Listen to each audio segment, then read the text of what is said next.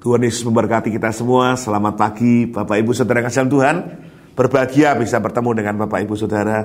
Satu topik hari ini yang menjadi satu PR buat kita semua supaya kehidupan rohani kita maju yaitu egois. Waduh. Egosentris, egois itu membuat pertumbuhan kita di dalam Tuhan tidak bisa maju Bapak Ibu. Kalau orang egois, kebanyakan dia berkata sedikit-sedikit aku. Kalau ada sesuatu yang terjadi dalam dirinya, dia menganggap bukan Tuhan, tapi aku. Ya. Kalau egois, saya membayangkan ketika Yesus masuk dari Yerusalem di Golden Gate itu dia masuk, Saudara. Ada seekor keledai yang dibawa Yesus yang tertambat diambil. Masuk, banyak orang berkata, "Hosana, Hosana!" Luar biasa. Kalau bisa dibayangkan keledai ini berkata, "Wah, ini karena aku ini, bukan Yesus ya. Padahal dia hanya ditunggangi Yesus. Orang egois, dia bisa e, memikirkan bahwa segala sesuatunya itu karena dia. Oh, gereja bisa hebat karena saya. Musik bisa hebat karena saya. Persekutuan ini komsel bisa hebat karena saya. Kemudian apalagi kegerakan ini bisa terjadi karena saya.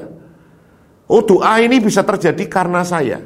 Saya, saya dan saya. Lintah punya anak dua. Untukku dan untukku kata Amsal. Egois mengakibatkan orang menganggap bukan Roma 11 ayat 36 yang terjadi segala sesuatu dari dia oleh dia kepada dia segala kemuliaan bagi dia tapi segala sesuatu dari aku untuk aku Aku, aku dan aku.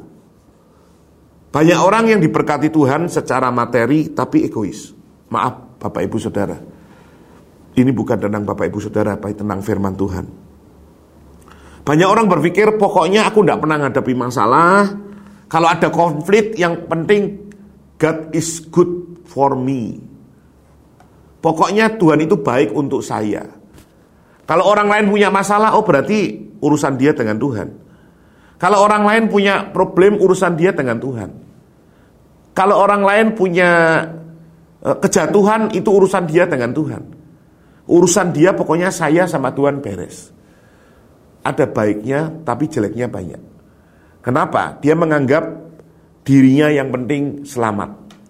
Kalau ada gempa bumi yang penting yang lain hancur semua, satu saya selamat. Lah ini bahaya. Padahal hanya dia mungkin yang tidak selamat. Karena yang lain sudah tidak ada. Egois mengakibatkan orang mengasihani diri sendiri. Self pity, saudara.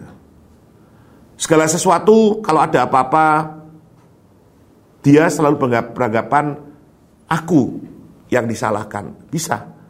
Contoh, di suatu tempat, tiba-tiba, padahal dia tidak disalahkan, ada orang kumpul masih ngobrol. Dia menganggap aku ini yang disinggung.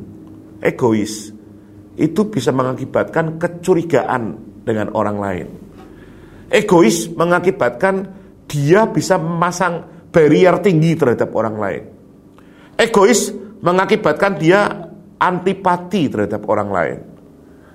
Oleh sebab itu hari ini kita mau belajar tentang firman Tuhan supaya hidup kita tidak egois. Firman Tuhan katakan di dalam Alkitab ada orang-orang yang egois. Hofni Pinehas itu anak-anak imam, im, anak imam Eli. Hidupnya egois. Kenapa? Firman Tuhan katakan persembahan yang harusnya untuk Tuhan dimakan dia sendiri. Banyak orang-orang egois yang ditulis di Alkitab. Yang hidupnya untuk saya dan saya. Kita lihat di dalam Filipi 2 ayat 4. Firman Tuhan berkata, dan janganlah tiap-tiap orang hanya mementingkan kepentingannya sendiri, tetapi kepentingan orang lain juga. Saya ulang.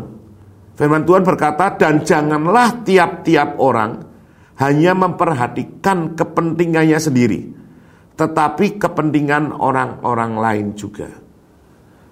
Tuhan jelas berkata lewat firman-Nya, Jangan orang hanya memperhatikan kepentingannya.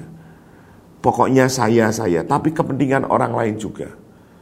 Berapa banyak orang yang tidak peduli terhadap kepentingan orang lain. Tidak melihat orang susah di kanan kirinya. Saya sering kali berkata kepada teman-teman di mana pun saya menyampaikan firman Tuhan, bertemu dengan komunitas-komunitas. Kalau saudara saat ini masih diberkati Tuhan, saudara kita masih bisa makan dengan baik, kita masih bisa melakukan aktivitas dengan baik, itu karena Tuhan, anugerah Tuhan. Kalau ada kanan kiri kita membutuhkan sesuatu, mari buka mata rohani saudara, buka mata jasmani saudara, pandang mereka, berikan kasih Tuhan kepada mereka. Firman Tuhan katakan kalau engkau memberi mereka, seperti engkau memberi Tuhan. Oh, Pak, nanti dimanfaatkan Pak. Banyak orang loh Pak hari-hari ini suka memanfaatkan orang lain. Saudara, kalau kita memandang tentang memanfaatkan orang lain, hidup kita tidak akan selesai. Hidup kita akan penuh dengan curiga. Loh Pak, berarti pernah tidak mengalami semacam itu? Pernah saudara. Engkau menolong orang lain, kau dimanfaatkan orang, orang yang tidak bayar, bahkan bisa terjadi dia minta lagi dan minta lagi bisa. Tapi bukan berarti seperti itu kemudian kau berkata, aku tidak akan melakukan hal yang sama lagi. Firman Tuhan katakan di dalam Mazmur 41 ayat pertama sampai ketiga, Berbahagialah orang yang memperhatikan orang yang lemah. Berbahagialah orang yang memperhatikan orang yang lemah. Tuhan akan meluputkan dia pada waktu celaka.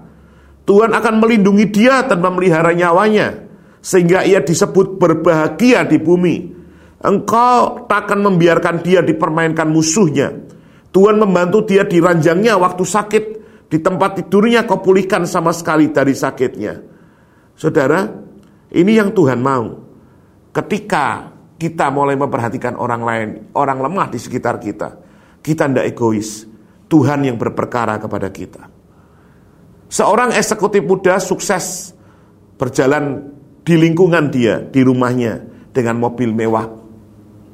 Ketika dia tidak masuk dalam lapangan parkir, dilihat ada anak kecil di trotoar. Dan dia memperlambat laju mobilnya. Dan kemudian dia memperhatikan sesuatu dari anak ini. Namun beberapa detik kemudian, sebuah batu bata mendarat di pintu samping mobil hitamnya dia yang masih mengkilap itu. Dengan marah, Pria ini mundur ke arah anak yang melemparkan batu bata tadi. Dengan marah dia mundur. Ia keluar dari mobilnya dan menarik anak tersebut. Kenapa kamu lempar batu bata ini? Maksudnya melempar batu bata ke mobilnya dia. Siapa kamu? Apa yang kamu, telah lakukan? Sambil mengepalkan tangannya, pria ini melanjutkan. Ini mobil baruku katanya. Prestis dia, saudara.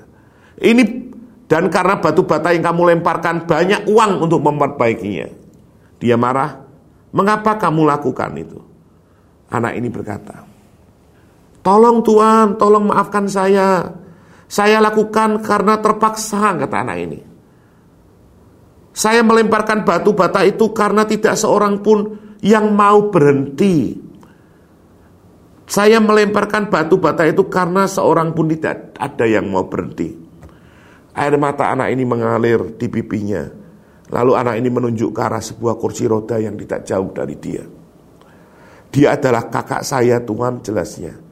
Dia terjatuh dari kursi rodanya dan dia terlalu karena dia terlalu berat. Saya tidak bisa mengangkatnya kembali ke kursi roda. Maukah Tuhan menolongnya kembali duduk di kursi roda? Dia terluka, tapi dia terlalu berat untuk saya angkat. Pria ini terdiam dan melepaskan anak ini. Bayangkan saudara, kalau tidak ada anak yang melempar batu bata, sehingga mobil ini tidak berhenti dan menabrak kursi roda ini dan mengakibatkan kecelakaan yang fatal. Anak muda yang punya duit, punya mobil mewah ini bisa masuk penjara dan hidupnya berubah. Ketika kita memperhatikan orang-orang lemah di sekitar kita, kita tidak tahu apa yang terjadi dalam dirinya. Tapi Tuhan yang maha tahu. Akhirnya dihapuskan, diambilnya sapu tangan dan dihapusnya air mata dari anak itu. Pria itu mendekati anak yang terjatuh dari kursi roda tersebut. Ia menolong kembali anak itu duduk. Tapi mobil hitam miliknya rusak. Dia sengaja tidak pernah diperbaikinya. Dia sengaja melakukannya agar selalu ingat ketika ada orang melempar batu. Dibiarkan saudara. Supaya dia ingat dia harus memberi pertolongan kepada orang-orang di sekitarnya. Berapa banyak kita peduli terhadap orang-orang di sekitar kita. Di gerejamu mungkin. Di komunitas di mana engkau tempatkan. Banyak orang di sekitar gereja kita yang butuh pertolongan. Maaf, kita memuji Tuhan bersama dengan mereka kita menyembah Tuhan bersama dengan mereka. Tuhan tahu engkau diberkati jauh lebih hebat dari dia.